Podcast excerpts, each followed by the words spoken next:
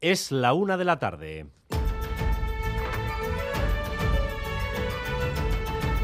Crónica de Euskadi con Dani Álvarez. A Rachaldeón, esto es lo único que queríamos oír desde que nos enteramos del secuestro del bebé. Lo único. El bebé se encuentra con su familia.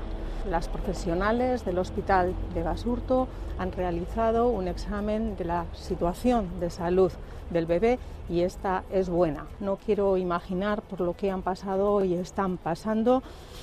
El equipo al completo del servicio de maternidad y el conjunto de profesionales de Osakidecha seguiremos estando a su lado, ofreciéndoles y acompañándoles como hemos estado hasta ahora. Esto es lo mejor de esta historia, lo único bueno, que ha terminado bien. La estupefacción y la congoja nos ha recorrido a todos al saber que un bebé de apenas 24 horas de vida fue secuestrado anoche por una mujer vestida de sanitaria en Basurto. Durante toda la noche la policía ha buscado a esta joven hasta que ella lo ha abandonado en el felpudo de un piso.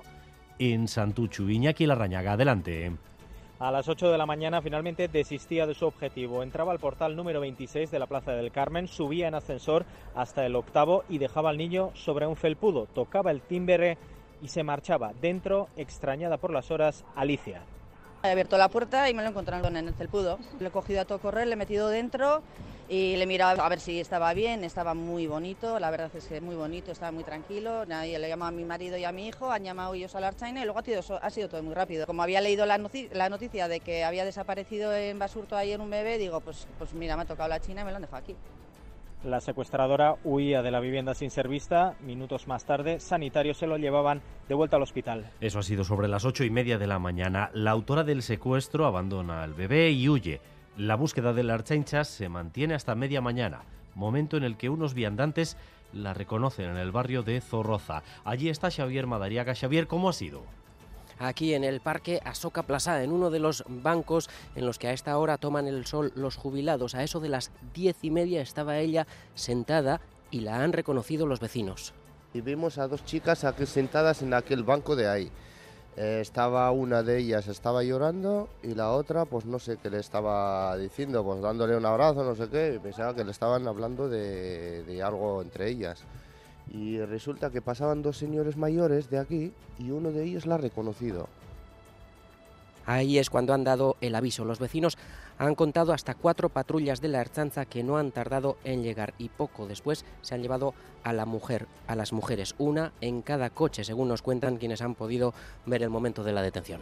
El Hospital de Basurto y Osakidecha revisan lo que ocurrió dentro de las instalaciones para saber qué eslabones de la cadena fallaron para que una extraña pudiera llevarse a un bebé. Natalia Serrano. Osakidecha ha convocado al Comité de Seguridad del Paciente ya. Hoy mismo se va a reunir en sus manos ahora investigar, analizar qué ha ocurrido y determinar si hay que adecuar y adoptar medidas de refuerzo en los protocolos actuales. Implantados en 2014 determinan que los bebés nunca quedarán separados de padres y madres. Las pruebas se les harán en la habitación. En caso de traslados irán acompañados de uno de los dos progenitores. El protocolo dice además que padres, madres deberán ser informados de esto. La consejera de Salud, Gochones Agardui, insiste sobre todo en que ahora lo primero es analizar las circunstancias, qué ha pasado, qué ha fallado. Aseguraba que la información había sido dada.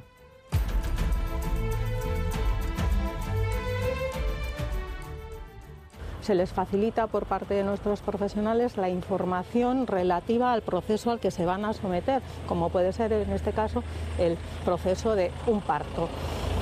Sin embargo, yo creo que debemos también de entender las circunstancias en las que una madre a las pocas horas de haber dado a luz a su hijo se encuentra a nivel físico, a nivel emocional. Por lo tanto, vayamos a ver qué es lo que ha ocurrido. En un instante reconstruimos todo lo que se sabe de este secuestro.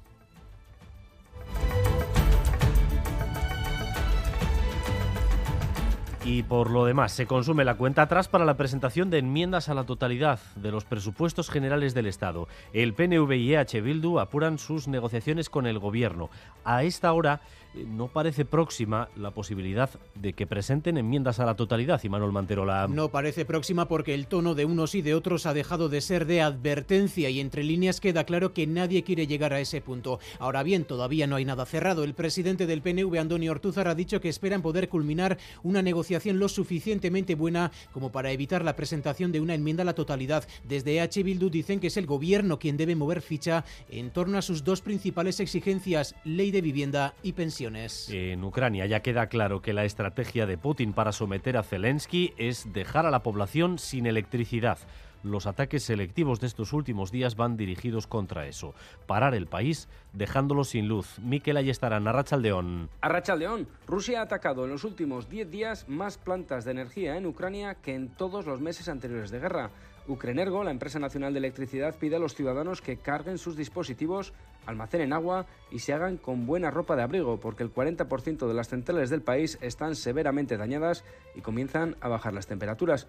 Las autoridades planean reducir un 20% el consumo. En las últimas horas se han producido nuevos ataques en el Viv, Kharkov, Dnipro y en la capital, Kiev, se anuncian cortes de cuatro horas por distritos. Y en Lekeitio comienza hoy Cine Villera, una cita imprescindible con la producción audiovisual en euskera. Paul Urquijo, miembro del jurado, va a ser el invitado especial de esta edición. Las mujeres cineastas además contarán con una jornada profesional y se premiará la trayectoria artística de Ramón Aguirre. Xavier Arrate es el coordinador de Lekeitioko Cine Villera. Hogei sortzaile leian oso anitzak dizen proposamenekin gainera, da gauzelako hori genero guztietako filmiak eta gainera azken urtietan geruotan abarmena ikusten dugu hori formato barritzaileak eta eta oso ausartak dizen proposamenak heltzen jakuzela, orduan oso posika oso aurten daun e, mailia. Y vamos también con lo más destacado del deporte, con Álvaro Fernández Cadierno. Arrachaldeón, Álvaro. Arrachaldeón con Osasuna que juega esta tarde a las 8, recibe en el Sadar al español tras cuatro partidos sin ganar. Osasuna que buscará una victoria que conseguía anoche la Real en Anoeta 1-0 ante el Mallorca que le encarama al tercer puesto de la clasificación en puestos de Champion, por cierto. Un ex de la Real, ahora en Cádiz, Joseba Zaldúa, rotura de cruzado en su rodilla derecha. Y eh, además, en cuanto al tiempo, hoy tenemos eh, chubascos que probablemente caigan eh, por la tarde de manera ocasional porque los cielos irán cubriendo todavía más. Seguimos con viento del sur que sopla con fuerza en zonas montañosas y que mantiene, eso sí, las temperaturas máximas cerca de los 30 grados, 27 grados en la costa, 23 hacia el interior. En Donostia y en Bayona 26 grados, 22 en Bilbao, 21 grados de temperatura en Pamplona y 17 en Vitoria-Gasteiz. Ya saben que eh, Euskalmet ha advertido que esta semana va a ser muy calurosa y que las temperaturas empezarán a descender eh, mañana viernes. Eso sí, no hay previsión de lluvia todavía a corto plazo. En cuanto al tráfico, se recomienda circular con precaución por la N634 en Yurreta. Un vehículo averiado ocupa un carril en sentido Bilbao. N634, Yurreta, sentido Bilbao. Gracias un día más por elegir Radio Euskadi y Radio Vitoria para informarse. Raúl González y José Ignacio Revuelta se encargan de la dirección técnica. Aitziber Bilbao está en la coordinación. Crónica de Euskadi con Dani Álvarez.